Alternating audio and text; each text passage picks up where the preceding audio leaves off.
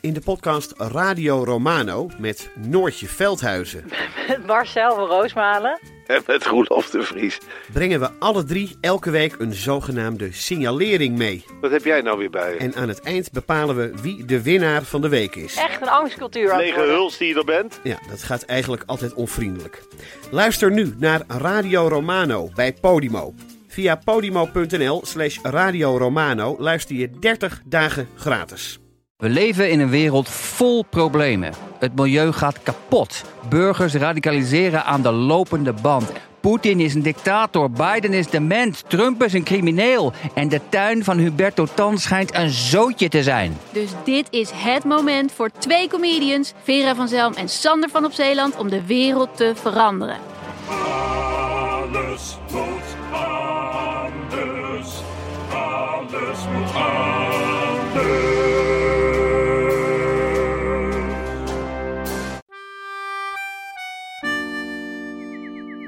Welkom bij een speciale aflevering rondom de Canarieboekjes. Ja, de boekjes die verschenen vanaf de jaren 30 tot de jaren 50 van de vorige eeuw. En ja, bij mij nu aangeschoven Paulien. Hallo. Kan jij omschrijven wat, wat de boekjes zijn, wat jou betreft? Ehm, het zijn heel kleine boekjes die jij spaart. Ehm, en eigenlijk bijna elk boekje eh, geeft een soort tips over hoe je beter kunt leven. Het zou totaal in het nu passen, omdat iedereen altijd met zelfverbetering bezig is. Destijds dus ook al, maar wel eigenlijk vanuit een andere moraal dan nu. Dus ehm, eh, ja, het gaat over echt van hoe, hoe alles beter te doen of zo. Dus ik heb het gevoel dat toen de mensen strenger voor zichzelf moesten zijn. Terwijl nu moet je juist veel meer naar je eigen innerlijke ikje luisteren. ja, maar toen moest natuurlijk een heel Er land worden niet- ja, opgebouwd. Er moest niet naar je innerlijke ik ge- geluisterd worden, in ieder geval. Absoluut niet. Wat heel aardig is in Trouwens, die er serie... is ook één Oh, boekje dat heet volgens mij ook Hoe u alles goed doet.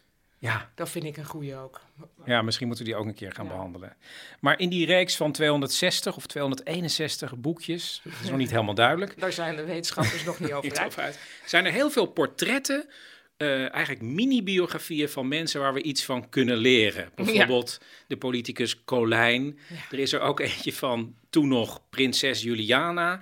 Maar ook bijvoorbeeld Pasteur Wat heb zouden we ik daarvan me. hebben kunnen leren in godsnaam? Nou ja, ik denk meer gewoon houden van het Koningshuis. Madame Curie is ook een boekje. Me- Een, een vrouw met een verbeten blik. Ja, Bata van de schoenen. Nou ja, hey, dat blijkt je dus te schrijven als bad apostrof A. ja, Dus het zal wel bata zijn eigenlijk. ja. Nou ja, en eh, op een gegeven moment kwam titel nummer 100 uit. Dat is natuurlijk voor Canarieboekjes een Altijd heel... heftig. Ja, maar dan moeten ze natuurlijk... En toen hebben ze ook gekozen voor een klein biografietje.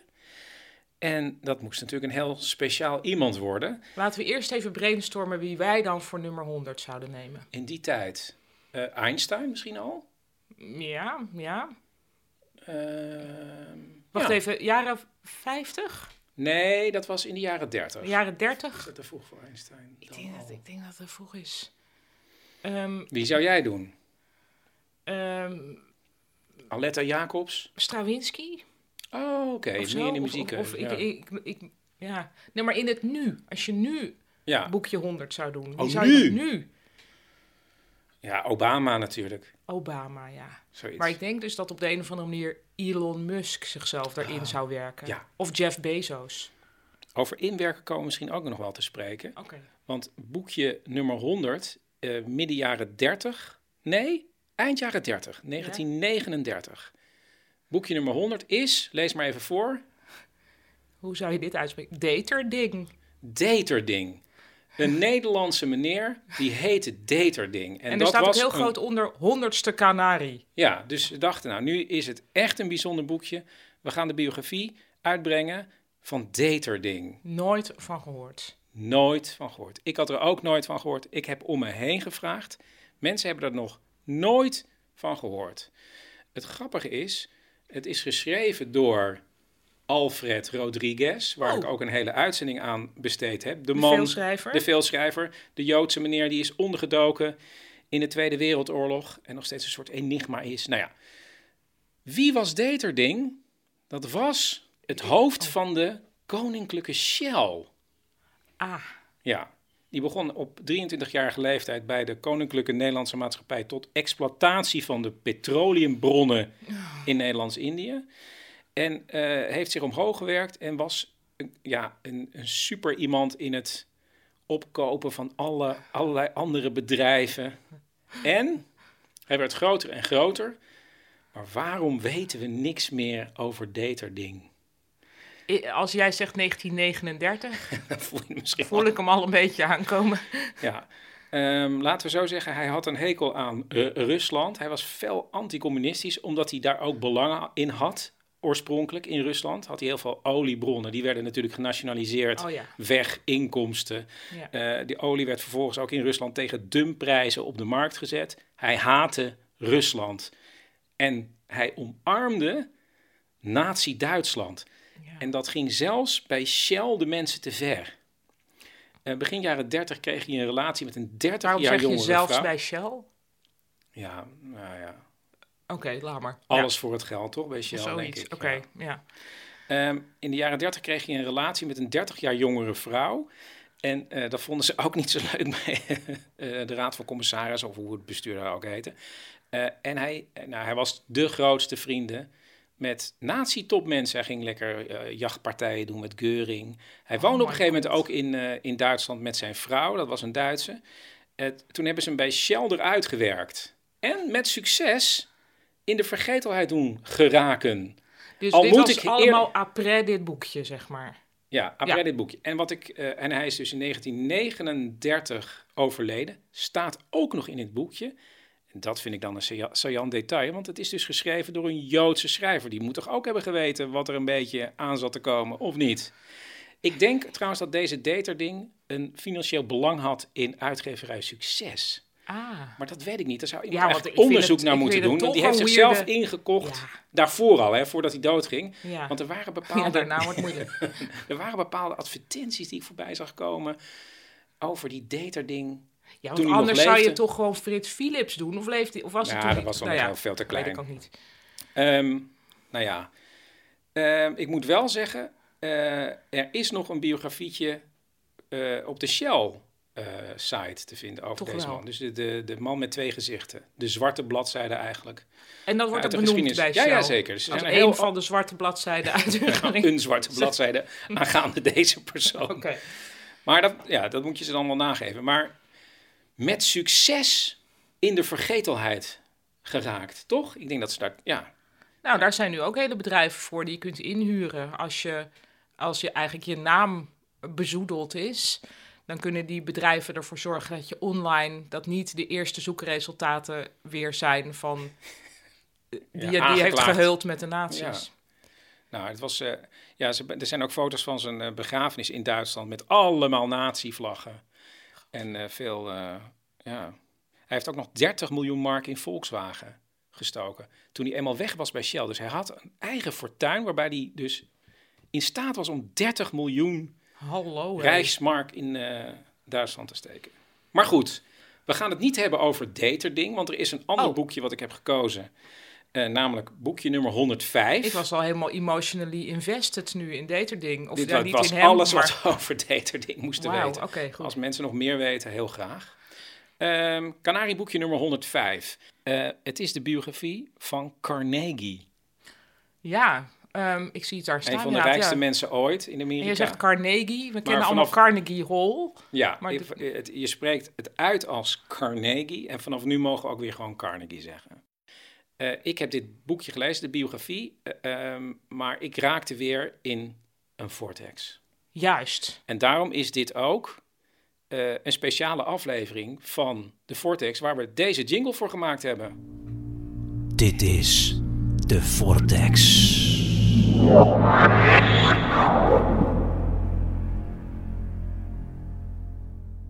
Paulien, leg nog even uit, wat is een Vortex? Een vortex is eigenlijk dat je een beetje, ja, eerst half doelloos aan het googelen bent. En dan raak je in een onderwerp en dan moet je maar doorgoogelen en weet je er uiteindelijk heel erg veel van af. Zijn vaak onderwerpen die niet speciaal eh, nut dienen in het hier en nu. Ehm, maar waar je toch niet uit kunt komen. Het- Dus dat is het Het eigenlijk. begint ergens en je raakt obsessieve het spoor. zoektocht. En het is vaak op internet raak je. Je blijft doorklikken van het een naar het ander. Ja, we zeggen wel eens, we zien het als de ander in een vortex zit. En dan is het van, je moet nu uit de vortex. Ja. Voordat we naar mijn Vortex gaan, eerst even aandacht voor mijn hoofdsponsor, de Kleine Comedie. En ik ging langs bij directeur Vivienne Ipma, omdat ik begreep dat de Kleine Comedie zijn vleugels gaat uitslaan. Toch? Ja, dat klopt. We gaan naar Noord. We gaan het ei over. Waarom? Nou, we krijgen publiek uit alle eh, delen van de stad. Zuidwest, centrum, oost. Gelijke delen publiek. Maar het Noord blijft achter. Dus ja, we dachten als Noord niet naar ons komt, dan gaan wij naar Noord. En waar gaan jullie naartoe dan? We gaan naar de Tolhuistuin vooralsnog. Daar gaan we ehm, programma's maken om te kijken of we het publiek uit Noord eh, kunnen enthousiasmeren voor de kleine komedie. En wie gaat dat dan doen? Dat ga je zelf zien, want je gaat praten met Luan nog, hè? Luan Belushkai. Ja, ik heb Luan gebeld. Hij organiseert komend seizoen vijf avonden getiteld Volmondig. En wat is dat, Luan? Dat is een, eh, een evenement eh, met woordkunst en eten eigenlijk. Dus je krijgt een zeven gangen menu geserveerd als je komt. En je krijgt bij elke, bij elke gang krijg je een artiest geserveerd. Een, een woordkunstenaar, een cabaretier, een muzikant. En eh, er zijn dus zeven gerechten. Twee voorgerechten, drie hoofdgerechten en twee nagerechten. En elk gerecht heeft een eh, artiest. Dus stel je voor je krijgt tiramisu. Eh, dan bij als toetje, bij het nagerecht, dan krijg je Moussa morgen. Moussa is een cabaretier en theatermaker die nu toert door heel Nederland met zijn voorstelling Schaakmat. En die zal dan een kwartier van zijn voorstelling eh, laten zien, terwijl mensen tiramisu krijgen. En zo heb je ook Daniela Sawadi, een spoken word artiest, heel jonge spoken word artiest uit Den Haag. Eh, die is een van de hoofdgerechten. Dan krijg je salade geserveerd met andere hapjes. En dan treedt zij op terwijl je ja, de salade geserveerd krijgt. Dat is het concept. De eerste avond is waarschijnlijk al geweest als je dit luistert. Dat was namelijk 25 september. Maar er komen nog vier avonden aan. Let op. In november, in januari, in maart en in mei. En tot slot vroeg ik aan Luan, ja, het is waarschijnlijk iets voor jonge mensen, toch vooral? Ik denk dat, dat het eh, jong publiek zal zijn, maar ik ben vooral, ik hoop dat er ook wat ouder publiek zal aanwezig zal zijn. Vooral nieuw publiek wat nog niet heel bekend is met spoken word of woordkunst. Dus doe jezelf een plezier. Ga naar dekleinecomedie.nl en zoek naar Volmondig. Dit is de Vortex.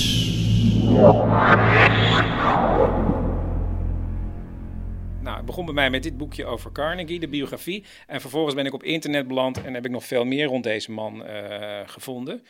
Ehm, ja, dus volgens mij Nou, ga ik gewoon zijn leven benieuwd. bespreken en wat ik Ja. allemaal ben tegengekomen. Carnegie is een, eh, een man die is in 1835 geboren in Schotland. Ehm, in de buurt van... Dus Carnegie eigenlijk, maar we Ja, zeggen Carnegie. Ja, ja, ik, vanaf nu ga ik gewoon Carnegie zeggen. In een, eh, een dorpje dat heet Dunfermline. Het ligt boven Edinburgh. En zijn vader was eh, wever, maar dan echt nog met zo'n... Oh, cool. Ja, met zo'n houten Oh, ding dat- gewoon. ah.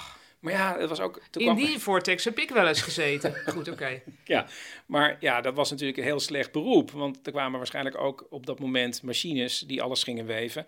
Eh, het geld kwam vooral binnen via zijn moeder. Die had een winkeltje met snoep. En ze verkocht ook ingemaakt vlees. En dat ging hij dan rondbrengen. En Carnegie eh, was een, een- volgens het boekje een, een- iemand die altijd vrolijk was. Altijd vrolijk en goed, op, dat zie je goed op het. Canarieboekje zie je dat niet. Zeker niet goed gemutst, want hij is de kerstman zonder muts. muts. Als klein jongetje had hij al een ware handelsgeest, want ze, eh, zijn ouders deden ook in duiven en konijnen, die verkochten ze.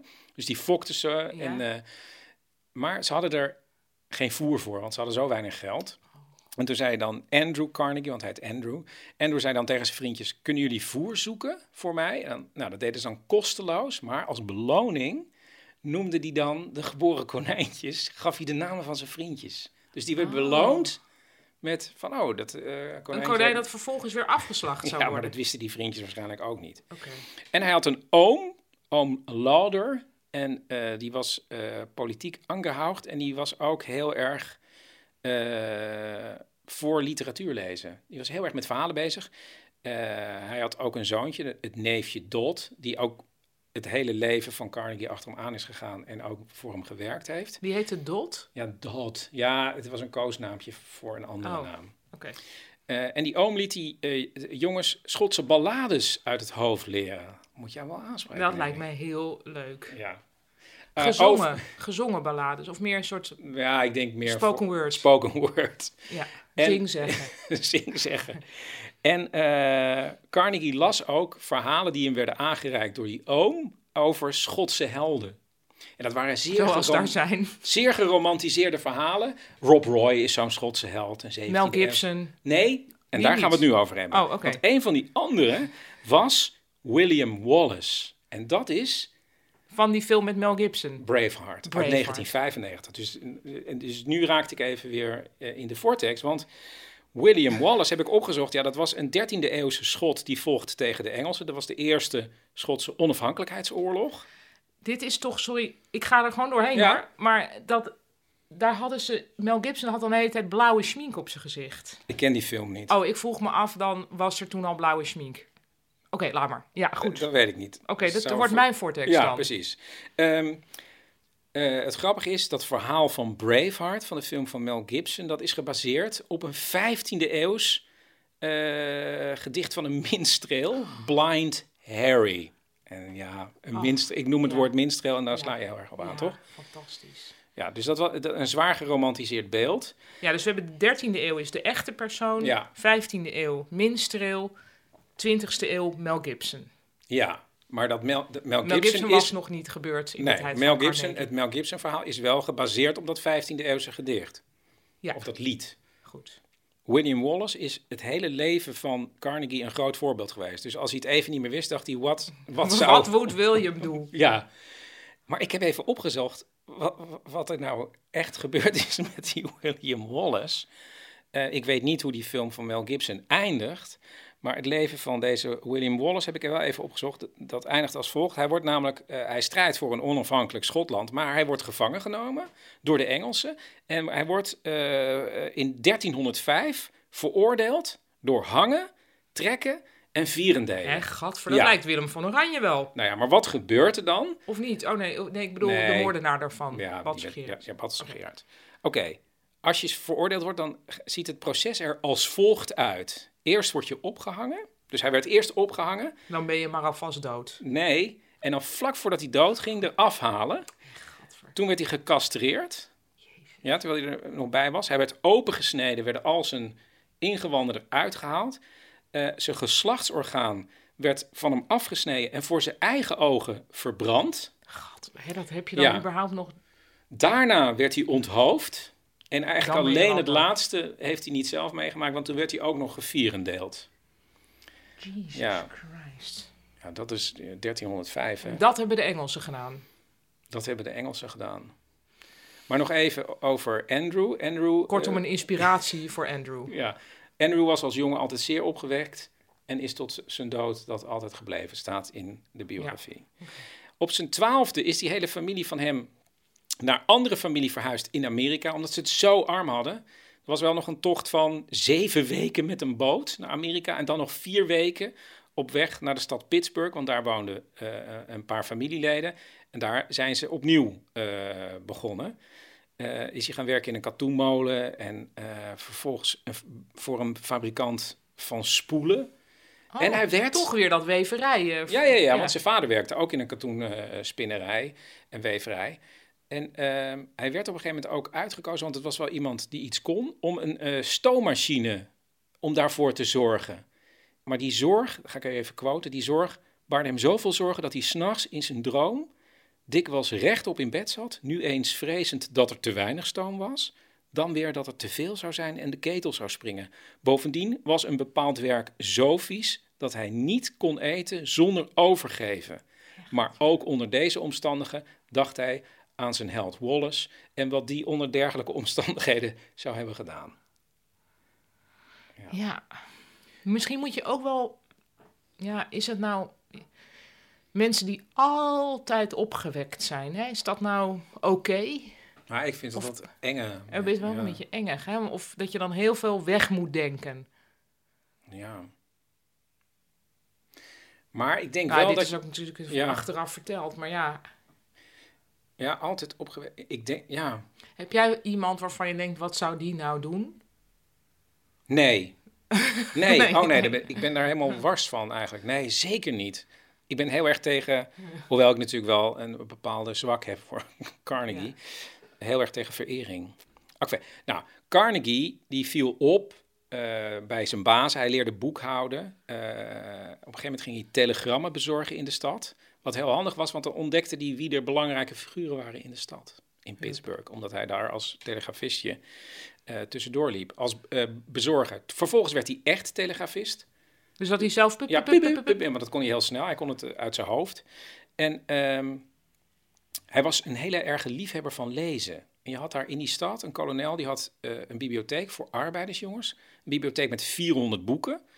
Ehm, maar dat was alleen voor arbeidersjongens. Maar toen heeft, eh, heeft Andrew er eigenlijk voor gezorgd dat het ook voor telegrafiejongens was. Die mochten dan ook lezen. Want dan ben je geen arbeider. Nee, hij was, hij Maar- was eigenlijk al te... Te, Te hoog opgeleid Te als hoog opgeleid, ja. Ehm, en hij hield heel erg van lezen zijn hele leven. Las veel over economie, kunst en literatuur. Wat ook in Pittsburgh toen was, is dat jongeren mochten gratis naar het theater. Heeft hij Wauw. Shakespeare ontdekt, ja. Hij ging werken vervolgens voor de Pennsylvania Railroad Company. Waar, daar werd hij klerk en ook weer telegrafist. Ging steeds meer geld verdienen. Ehm, groeide op in die ja, spoorwegcompagnie. En hij reisde daar ook heel veel. En op een gegeven moment kwam hij iemand tegen, die heette Woodruff. Leuke naam. Ja, en die zei, oh, je werkt bij de spoorwegen. Ik heb iets uitgevonden, dat is misschien iets voor jullie. Dat was namelijk de slaapwagon. De wagon die je kon ombouwen van zitten naar slapen. Oh, fantastisch. Had Woodruff uitgevonden. En ehm, toen zei eh, eh, Carnegie, oké, dat kan ik misschien aan mijn baas voorstellen. En die vond het ook een goed idee. En nu komt het, dat staat dan niet in het biografietje Ja. van kanaaienboekjes. Vanaf dat moment is het eigenlijk eh, zeker dat er allerlei belangen aan het verstrengelen waren. Dus zij kregen bijvoorbeeld aandelen in die slaapwagons. Maar ze waren zelf van de spoorwegcompagnie. Dus je bedoelt Carnegie en Woodruff. Ja, ja. Dus die, eh, nee, Carnegie, Woodruff en dus ook de baas van eh, Carnegie. Dus, Ja. er waren, dus ze verdienden geld eigenlijk. En vervolgens ook geld met voorkennis. Dus als ze onderhandelden Oh ja. als spoorwegcompagnie, konden ze precies uitkiezen met welke bedrijven ze gingen werken. En daar aandelen in kopen. Nou, dus er zit Ik weet een- niet of dat helemaal is wat Mel Gibson zou doen. nee, nee, nee. Maar eh, daar is hij wel verschrikkelijk rijk mee geworden. Want het, het, ging maar... Maar die Woodruff, die dus die slaapwagon heeft uitgevonden... Dat is ook wel een, een, een grappige man. Was gewoon een uitvinder. Die heeft ook een koffiepelmachine uitgevonden. Oh, Ja. een koffiebonenpelmachine. Nou ja, er zit een soort papierlaagje, heb ik opgezocht, om een koffieboon heen. En die moet je er ook nog afhalen uiteindelijk. Ah, En daar heeft deze Woodruff een machine voor, voor is Woodruff zijn voor- of zijn achternaam? zijn achternaam. En hij heeft ook nog een stoomploeg uitgevonden. Oh. Ja, vind ik wel interessant.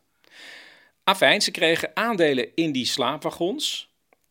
En eh, uiteindelijk werd eh, Carnegie inspecteur voor de spoorwegen in Pittsburgh. En verdiende toen nog meer geld. En toen verdiende hij zoveel geld, eh, zodat hij zijn moeder in een mooi huis buiten kon laten wonen, staat er in het boekje, waar zij zich wijde aan haar bloemen. Volgens mij vind ik dat zelf een hele schattige zin. Ja. Ehm, toen brak in 1861 de Amerikaanse burgeroorlog uit. En heeft hij nog eh, voor vervoer van soldaten en eh, bevoorrading eh, gezorgd. En En hij, hij stond aan noordelijke zijde, neem ik aan dus. ja, dat denk ik wel, ja. Ja, ook als je daar woont, Ja. dan zal het wel. En dan vind ik dit wel eh, dus een mooi citaat uit het boekje. Hij maakte van nabij de gevechten mee. Dan denk je, nu komt het. Maar dan staat er, hij maakte van nabij de gevechten mee. Maar een van zijn mooiste herinneringen was wel het feit dat hij de toenmalige president van Noord-Amerika, Abraham Lincoln, ontmoette. Die door zijn heel bijzondere persoonlijkheid grote indruk op de jonge man maakte. Hij is op dat moment nog steeds een jonge man. Ja, hij was echt volgens mij begin twintig. Wow. Ja, dat ging heel snel. Ehm, hij groeide op in die, eh, hij werd steeds hoger in die railroad company. En toen zorgde hij dat de eh, spoorwegmaatschappij ook hun eigen rails gingen maken. Dus hij ging gewoon ijzerfabrieken opzetten, zodat alles in eigen hand werd gehouden. En hij ging met compagnons ook een maatschappij beginnen tot het bouwen van bruggen. En dan zie je weer die Dus verstrengeling. hij was zeg maar NS, ProRail, Ja, hij was alles in één. Rijkswaterstaat. Ja, ja. alles in één. Dus als, als spoorwegcompagnie kon hij zichzelf inhuren om bruggen te bouwen voor de spoorwegen. En hij investeerde in oliebronnen. Ja. En dat was eigenlijk op het punt dat olie nog eh eigenlijk... Voel toch het Deter-ding weer doorschemeren. Maar goed, oké. Maar toen was olie eigenlijk nog niks. Hè. Olie werd in kleine hoeveelheden verkocht om eh reuma te bestrijden. En eh, het was zelfs zo dat in dat gebied wat hij uiteindelijk kocht, als er te veel olie naar boven kwam, dan zeiden ze, ja, nou, hier zit zoveel olie. Dan ging eigenlijk de magie van het medicijn ook een beetje weg. Dus dan was niet meer, niemand meer geïnteresseerd in het Oh. medicijn tegen reumatiek. Ja, ja. Grappig, hè? Ja. Ehm, dus hij, hij investeerde in eh, oliebronnen. En toen hij 30 was, is hij voor zichzelf begonnen. Oké. Ja, oh, ja. Ja. Dat is, ja. En eh, toen is hij eh, staalfabrieken gaan maken. Dus niet ijzer, maar staal. Staal is natuurlijk veel sterker dan, dan ijzer. En daar is die man schatrijk mee geworden. Ja, want hij was dus eigenlijk al heel rijk en nu... Nog veel meer Ja. rijker. Ehm, en hij bleef ook betrokken bij de, de spoorwegen. Toen is hij eh, compagnon of samen gaan werken met Pullman. En Pullman, dat was een man, die was een vernieuwer van de slaapwagons. Die, had, die, die wagons zijn heel lang geproduceerd, tot in de jaren 40, geloof ik, 50. Ehm, en hij was eigenlijk natuurlijk een concurrent, omdat hij aandelen had in die andere maatschappij. Maar wat hij heel vaak deed, Carnegie, is samenwerken. En zodat je ook de prijzen zelf in de hand kon houden met je voormalige concurrent. Oh, dat, ja, dat is Ja. En, die, En is dat, dat was een vernieuwer van het, ont, van het slaapwagonontwerp? ja, die wa- waren heel chic. Als je dat opzoekt, Pullman. Want wij hebben nog aan het begin van de corona... Eigenlijk ja, zijn wij recht door een brandhaard heen Naar gereden. Oostenrijk. Nou ja, ja, en terug. Volgens mij was de slaapterrein toen was een soort van... Ja, dat, wa- was de eerste... Nou, niet is niet De waar, bron, nee, drie weken later was de bron, de eerste haard, kwam met diezelfde nachttrein volgens mij terug naar Nederland. Ja, maar toen hadden we al carnaval gehad in, in, in, Brabant. Ja. Maar ik dacht toen wel van jeetje, eh, die slaaptrein, dat was wel gek dat wij daar toen eh, in lagen. Ja. Ik vond het ehm, leuker in theorie dan in de praktijk. Maar als je die foto's of tekeningen ziet van die Pullman... Van echt chique... de- Echt zieke, dat ja. was echt gek, te gek. En die Pullman was ook een hele grote industrieel eigenlijk. Had zijn eigen eh, eh, fabrieken. En ook zijn eigen Pullman eh, Factory Town. Dus hij had weer zo'n eigen dorpje. Dat helemaal dat vormgegeven nog? was. Ja, zeker. Die Pullman was ook zo groot in de spoorwegindustrie... ehm, dat er een plaatsje is geweest in Washington... en die wilde heel graag dat de spoorweg langs hun zou komen. Ja, ja. langs hun zou komen. En die hebben hun plaatsje toen Pullman genoemd. In de Oh. hoop dat ze een stationnetje zouden krijgen. Eh, uiteindelijk is, die, is er nooit een, een spoorweg langs gekomen. Want ze kozen voor Spokane in Washington. Oh. Maar de- dat plaatsje Pullman in Washington bestaat nog steeds. Ja, dan heet je Net zoals dat dorpje nog steeds bestaat. Dus er zijn twee Pullmans. Ja, ja maar, dus, Eén maar de door anders- Pullman. Ja, dat is denk ik meer een onderdeel van een grotere stad nu geworden. Ehm, volgens mij Chicago. En dat was dus eigenlijk een soort Truman Show-achtig dorpje. Mhm. Ehm, waar mensen dus woonden in hu- die huurden huisjes eigenlijk van hun eigen baas. En daar woonden ze. Ehm, Zoals hier Bata-dorp ooit. ja, maar het was ook een beetje een Truman Show-achtig dorpje. Ehm, want later zeiden werknemers die daar woonden: eh, We worden in een Pullmanhuis geboren. We worden gevoed door de Pullman winkels. We worden onderwezen in de Pullman school. We krijgen categorisatie in de Pullman kerk. En als we doodgaan, gaan we allemaal naar de Pullman hel. Dat zegt misschien een beetje iets over meneer Pullman. Want die, reag- eh, eh, die regeerde zijn dorpje echt als een soort feodale baron. Oh, ja. En op een gegeven moment ehm, brak er een staking uit, omdat ze iets meer wilden verdienen. Wat deed die man nou? Die zei meteen, oké, jullie staken, jullie krijgen 30% minder loon. Hè? Ja, 30%. Maar jullie moeten wel nog steeds de huur van je huis betalen. Dat betekende dat er mensen waren die bijvoorbeeld 9 dollar in de maand verdienden en nog 7 cent overhielden, want die 9 dollar... Dat werd dan dus 6 dollar. Ja, ja, zoiets. Nou, dus al het geld ging naar, een, eh, naar het huis huren. En waarom gingen die huren niet omlaag? Ja, omdat die Pullman had be- beloofd aan de investeerders dat ze jaarlijks een rendement zouden krijgen van 6%. Ja.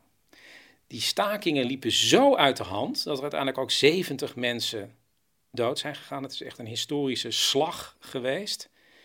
En ehm Pullman is later, drie jaar later, ik geloof in 1867 of zo, dood gegaan.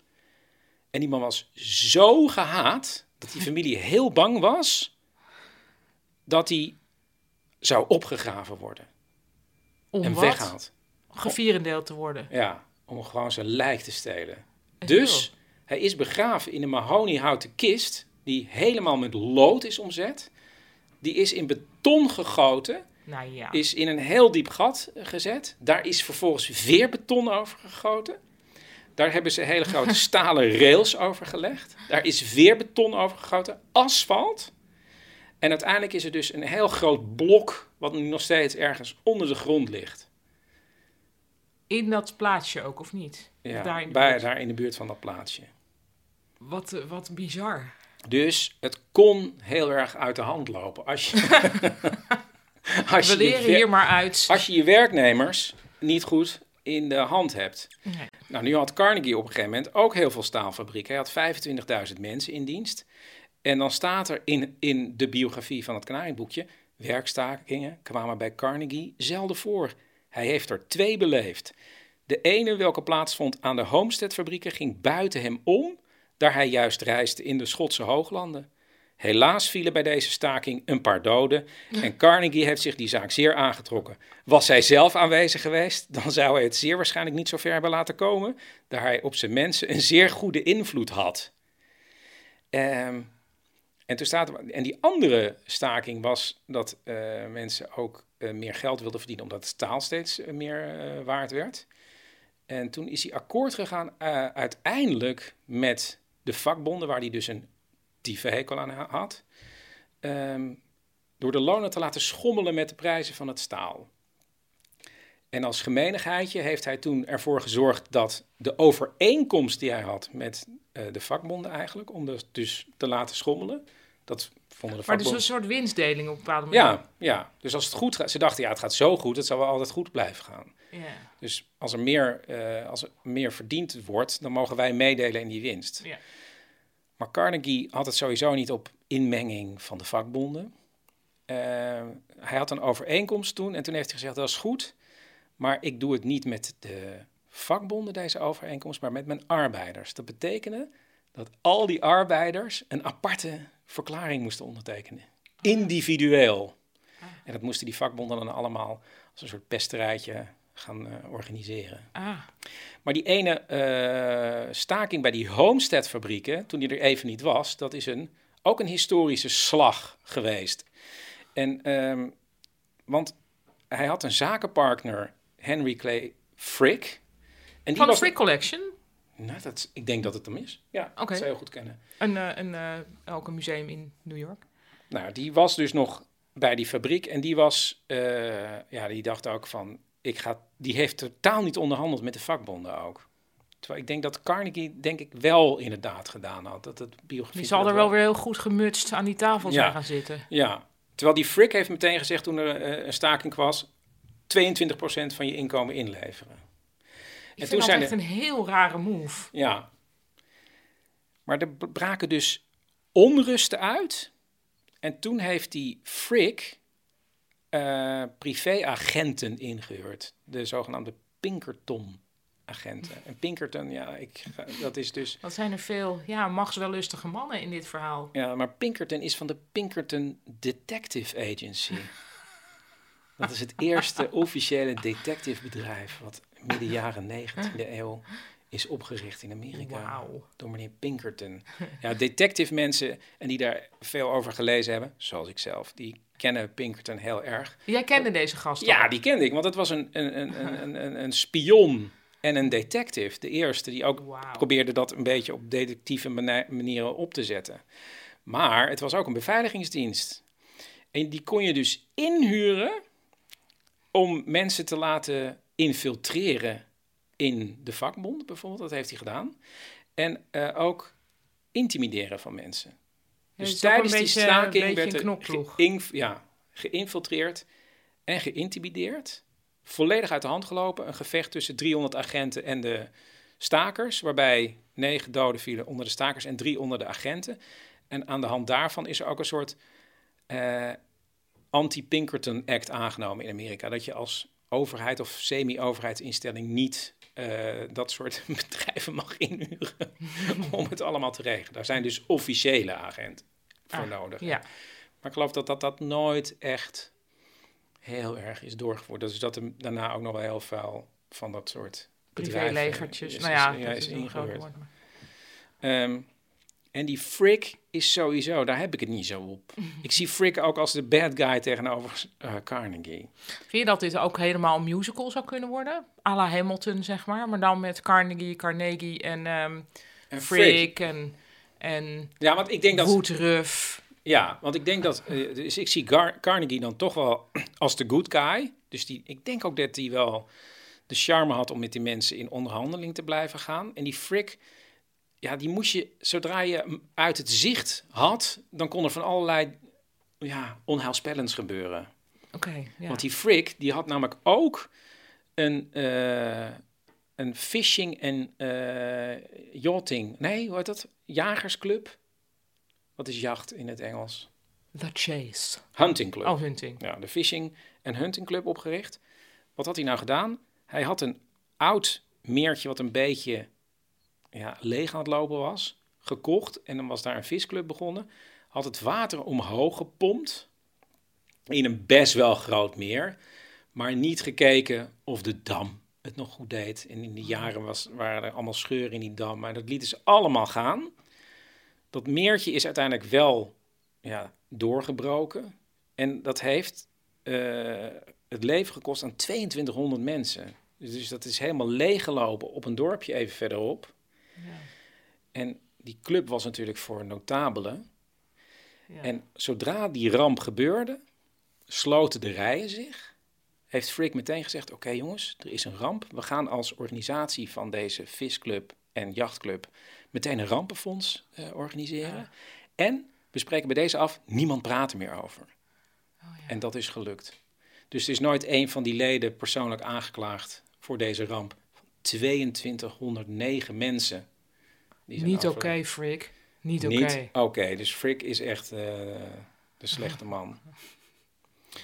Ehm, Ik zit meteen te denken hoe je dit dan in een musical zou moeten verbeelden. Met al dat water en een dam doorbraak, dat wordt moeilijk. dat wordt moeilijk. Nou, ik denk dat je dan die verhalen worden aan hem verteld. En dan zegt hij, we moeten toch misschien de banden met Frick verbreken. Ja, Volgens ja, mij heeft hij dat ook wel gedaan.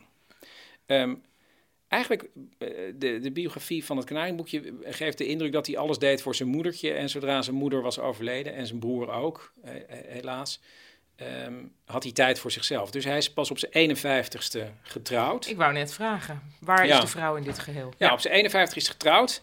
En op zijn 62ste heeft hij uiteindelijk een, een dochtertje gekregen. Nou, dat ja, moet kunnen. En op zijn 66ste ging hij met pensioen. Keurig. Ja, toen is hij uitgekocht door Morgan, een bankier. Van Morgan Stanley. Ja, denk ik. Eh, ja, dat zal toch wel. Ehm, uitgekocht voor 225 miljoen dollar. Dat is ongeveer nu Gewoon. omgerekend 7 miljard Gewoon lekker om lekker van te leven. Om lekker van te leven. Maar hij had eh, een paar jaar daarvoor ook al een boek geschreven. Het Evangelie van de Rijkdom. Hè? Ja, want wat vond Carnegie nou? Je moest een derde van je leven besteden aan leren. Een derde om zoveel mogelijk geld te verdienen. En dan een derde van je leven gebruiken om dat geld alleen maar uit te geven. Aan goede doelen. Aan goede doelen. Nou, Juist, dus hij ging met pensioen. Hij woonde in New York en in een 13e eeuws kasteel. William Wallace. In Schotland. In Sutherland. Helemaal Niet dat kasteel van... Nee, dat Nee, nee, maar bedoel, maar wel, indachtig. Hij Ja. was gewoon William Wallace geworden. Ja, Toch wel de romantische Ja. William Wallace. Dus hij woonde in het noorden van Schotland en in eh, New York. Ik heb even opgezocht, dat is een pand vlakbij het Guggenheim Museum. Mhm. gigantisch en dat is nu een designmuseum. Maar daar woonde hij en hij woonde in Schotland in een Skibo Castle heette dat. Ehm, dus een 13e eeuws eh, kasteel. Is tot 1982 in handen gebleven van de familie. En daarna is het een besloten club geworden. Mocht je lid willen worden, zoek even de plaatjes op, want het is echt een heel mooi Skibo, kasteel. S... S, eh, S, nee, ja, S-K-I-B-O. In, eh, in de buurt van een Sutherland. besloten hunting en fishing club. Ja, eigenlijk wel, met een hele mooie eh golfcourt eromheen. Nou, bekijk de plaatjes. Het ziet er hartstikke leuk uit. Er zijn 21 kamers, er zijn ook nog 11 lodges. Het kost 1000 miljoen euro per nacht. Nou, het kost om aan te melden bij de exclusieve club, ik denk dat ook nog een behoorlijke ballotage is, eh 25.000 pond. En dan moet je ook nog wel 8.000 pond per jaar besteden. Maar dan ben je wel lid. En Madonna en Guy Ritchie zijn er getrouwd. In dat kasteel. Ja, dat this is not selling it. Maar ja, Ja. oké, goed. Maar, dus hij woonde daar en in New York en eh, bedacht, ik wil eh, vier pijlers aan mijn filantropische gedachten Ja. eh, neerzetten. Eh, het eerste was heel veel geld naar onderwijs. Heel veel geld naar wetenschappelijk onderzoek. Er zijn hele grote telescopen gebouwd met zijn geld. Ehm, en nu komt het. Carnegie Hall. Carnegie Hall heeft hij ook. Oh, ja. oh, maar dat bedoelde je dus niet. Nee, Hier wat ook wel heel leuk is, want hij was helemaal gek Hm. van orgels. Dus hij leerde ook muziek eh, ja, te waarderen en dan vooral or- orgelmuziek. Dus in Carnegie Hall is Ja. ook een orgel. Gewoon een kerkorgel. Ja, een kerkorgel. Maar hij heeft ook dus uit ja, eh, goede tierenheid uiteindelijk 7000 orgels over de hele wereld gesponsord. Dus overal ter wereld, vooral natuurlijk in Amerika en Canada, zijn er orgels die betaald zijn door Carnegie, omdat ik er zo van hield. Ja, Ja, dat is toch, ja, dat zou ik toch niet zo heel snel voor kiezen dan. Het is ook een beetje alsof je de hele wereld vol zet met klaversymbals of, of zo, of, of panfluiten of dat soort. Toch ook irritatie opwekkende instrumenten. ja bij jou. Ik Ja, vind dat wel mooi. Mijn- orgel- Mijn vader speelde thuis eh, Orgel, orgel ja. een kerkorgel. Dus ik heb er nog wel Ik een vind zwak het een voor. heel, Het is eh, ja, echt het is een massief. soort- het is onontkoombaar. Ja. Je kan niet denken, ik luister even ergens anders naartoe. Nee, daarom heeft mijn vader ook een hele grote koptelefoon thuis. Ja, Bij mijn moeder. dat is heel goed. Is er in Nederland ook een Carnegie-orgel?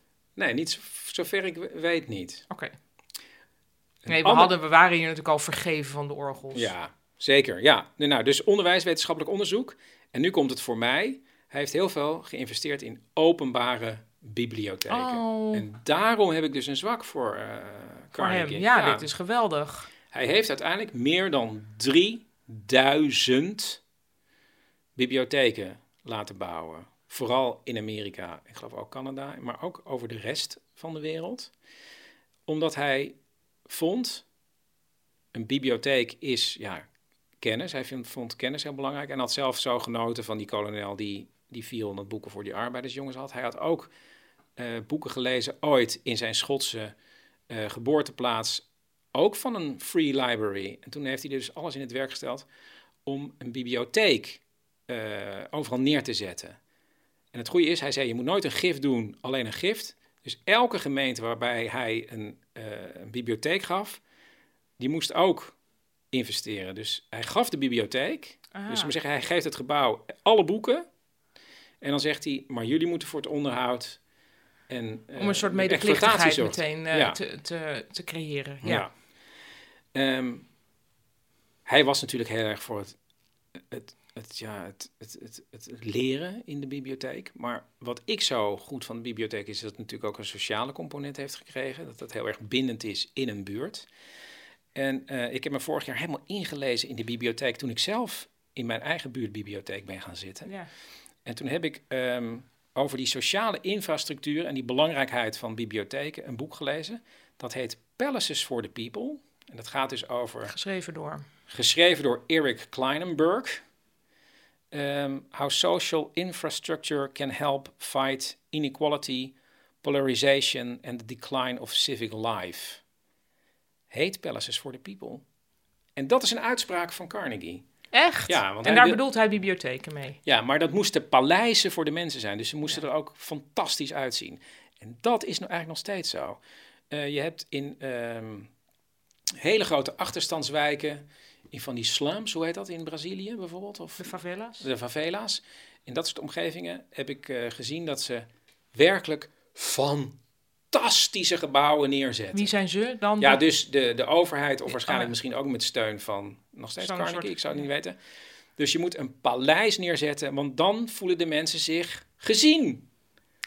Ja, Oh, En, eh, nee, eh, daar ben ik het ene, enerzijds mee eens. Eh, je ziet natuurlijk bij, waar wij wonen in Amsterdam ook... dat er bibliotheken Oh ja, als paleizen je- worden Ja, neergezet. nee. De OBA, vlakbij het Centraal Station, is een heel groot nee, de gebouw, supermooi. buurtbiep, dat, dat is nog belangrijk. Daar, ja, ik ben er heel erg voor dat...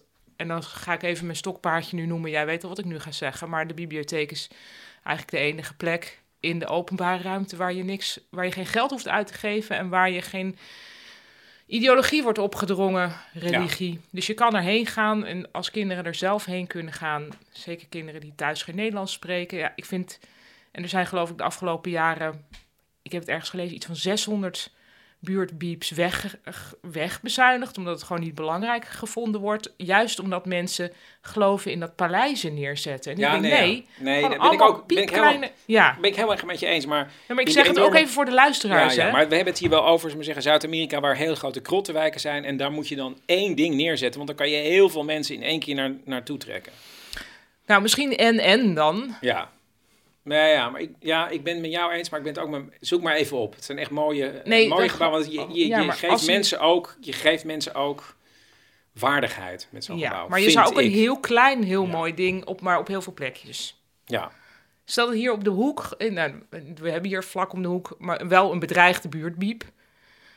Ja, ik, en dan denk Nee, ik... daar, daar strijden wij voor, maar die blijft ook nog, hè, voorlopig. Ja, maar goed, dat, eh, ik, ik heb niet heel veel vertrouwen in dat het huidige eh, overheidsklimaat Nou, oké. dat gunstig gezien is. Nou, Maar dus, ehm nou, ja, 3000 bibliotheken. Nou is jouw vraag, hebben wij in Nederland? ook een Carnegie-bibliotheek? Ja. Ja, En waar? in Rotterdam. Nee, in Den Haag. Oh. Want die bibliotheek hoort bij het, het Vredespaleis. Ja. Het Vredespaleis is ooit ontstaan omdat eh tsaar Nicolaas II zich zorgen maakte. Toen is een soort vredesconferentie in het leven geroepen in 1899. En ehm, toen zeiden ze, ja, we moeten eigenlijk ehm, zorgen eh, dat we een permanent hof van arbitrage hebben. Dus als er mensen, eh, of als er landen ruzie met elkaar hebben, dan moet er iemand over kunnen oordelen. En toen zijn ze daarmee met dat idee naar eh, Carnegie gegaan. Toen zeiden ja, goed idee, zet maar een gebouw neer. Ik betaal de bibliotheek. En dan doe ik daar een hele grote bibliotheek vol met rechtspraak in. Allemaal boeken. Ah. En toen zeiden ze, dankjewel voor de biep, maar kan je toch ook niet dat hele gebouw betalen? En Het heeft- Vredespaleis. Ja, dus hij heeft uiteindelijk een heel groot bedrag ook nog. Hij eh, heeft eigenlijk het Vredespaleis. Ja, voor een groot gedeelte heeft hij dat Oh. betaald. En we hebben dus een, eh, een, een, een biep eh, van hem. Ehm, en tot slot zou ik nog even willen zeggen. Wat hebben we nou nog in Nederland over van Carnegie? Dat is het Carnegie, eh, Stichting Carnegie Heldenfonds. Wat is dat? Ja, ehm, ik geloof dat in 1904 was er een hele grote mijnwerkersramp in Amerika. En toen zijn twee mijnwerkers mensen gaan redden en daar zelf bij om het leven gekomen. En dat vond ja, Carnegie zo erg dat hij zei, ja maar die weduwen, die waren getrouwd met helden, dus die moeten geen geldzorgen meer hebben. Dus ik maak nu een heldenfonds. Ah, En dus als jij een held hebt en je bent... eh, ja, als je een held ja, hebt gehad, eh, want er is iemand om het leven gekomen... Of nee, je bent, hebt, hebt een heldendaad verricht en daarna ben je in de problemen gekomen... kun je dingen niet meer betalen, geven wij jou geld. ja. Maar uiteindelijk is de welvaart zo omhoog gegaan... dat mensen ja, dat geld heel vaak niet meer nodig hadden. Maar nu is er nog steeds... eh, overal ter wereld zijn Carnegie Heldenfondsen. En ik heb even opgezocht... Ehm, eh, in 2015 is het Nederlandse Carnegie Heldenfonds eh, nieuw leven ingeblazen. Dus er worden weer mensen, ja, ieder jaar, hoewel de laatste was in 2019, maar er worden weer alleen nog maar nu medailles uitgereikt. Oké, dus, Dus als jij iemands leven hebt gered, dan, krijg je een medaille gefinancierd door het Carnegie Heldenfonds. Ja, alleen die medaille en een receptie, denk ik. Maar toch wel leuk. Dus Leuk, ja, dus er wordt nog, dus je- en, en daar, daar kan je ook mensen voor aanmelden. Ik zou het ook leuk vinden als ze in plaats van die medaille, dit, misschien dat er iemand luistert, ook een beetje in de geest van Carnegie, dan ehm, een reisje zouden aanbieden in een slaaptrein. Zijn er nog vragen? Ja, ik heb wel een vraag. Ehm, eigenlijk, ik vond die, die theorie van hem wel mooi. Dus een derde van je leven besteed je Ja, aan maar kennis vergaren. Een derde doe je wat je goed doet. Ga ik dan even in plaats Maar van wanneer rijk weet je dat je op een derde bent? Dat weet ik je nog. natuurlijk niet. Nee. Maar, en dan, maar eigenlijk kun je, en dat is volgens mij ook een heel wederom eh, in zwang zijnd idee, dat je eh, eerst, ga je eerst ga je goed worden in waar je goed in wordt, dan ben je een tijd goed in datgene en dan moet je nadenken over hoe je iets voor de wereld gaat doen. Er is ook een, twee, een boek daarover wat mensen nu lezen, dat heet De Tweede Berg. Ik heb het zelf niet gelezen, maar dat gaat over van hoe ga je bijdragen aan een betere wereld. Voel jij dat bij jezelf eigenlijk al? Ik, ik denk dat ik daar nog niet helemaal ben, terwijl qua leeftijd eigenlijk wel. Ehm, en jij? Ehm, ja, Ja, hoewel, wacht even. Jij bent nu bijna 50. 50. Eh, stel, nou, 75 is niet zo'n heel gek. Ik denk dat jij dat zou je toch wel moeten halen. Oh, dan zou ik nu... eh, nu, een- maar je kan ook Oh, makkelijk ja. ouder worden. Dus eigenlijk zou je dan nog in de t- zit je nu nog in de tweede fase, Ja, niet in de derde. ik zit nog in de tweede fase. Heel veel geld verdienen. Nee, maar volgens mij kan je dat voor jezelf omdenken als datgene doen waar je goed in goed in bent. bent. Ja. Ja. Ik denk nog niet. Ik denk dat ik nog wel steeds bezig ben met. Ja. Maar daar hoop ik ook mensen plezier mee te Nee, bezorgen. nou, dat, ja. is de, ja, dat is natuurlijk hoe iedereen die zich half in de kunsten begeeft, het voor zichzelf eh, Goed praat. goed praat dat hij Ja. geen eh, hersenchirurg is. Ja. En het, Dat ja. ik ook heel moeilijk vind. trouwens. De biografie eindigt met eh, de uitspraak van Carnegie: geef steeds het allerbeste. Want daarin lag zijn geheim. Ja, dat vind ik een beetje een het is, het is een succesboekje. Ja, Een boekje. Gaan we Braveheart kijken van Mel Gibson? waarom niet?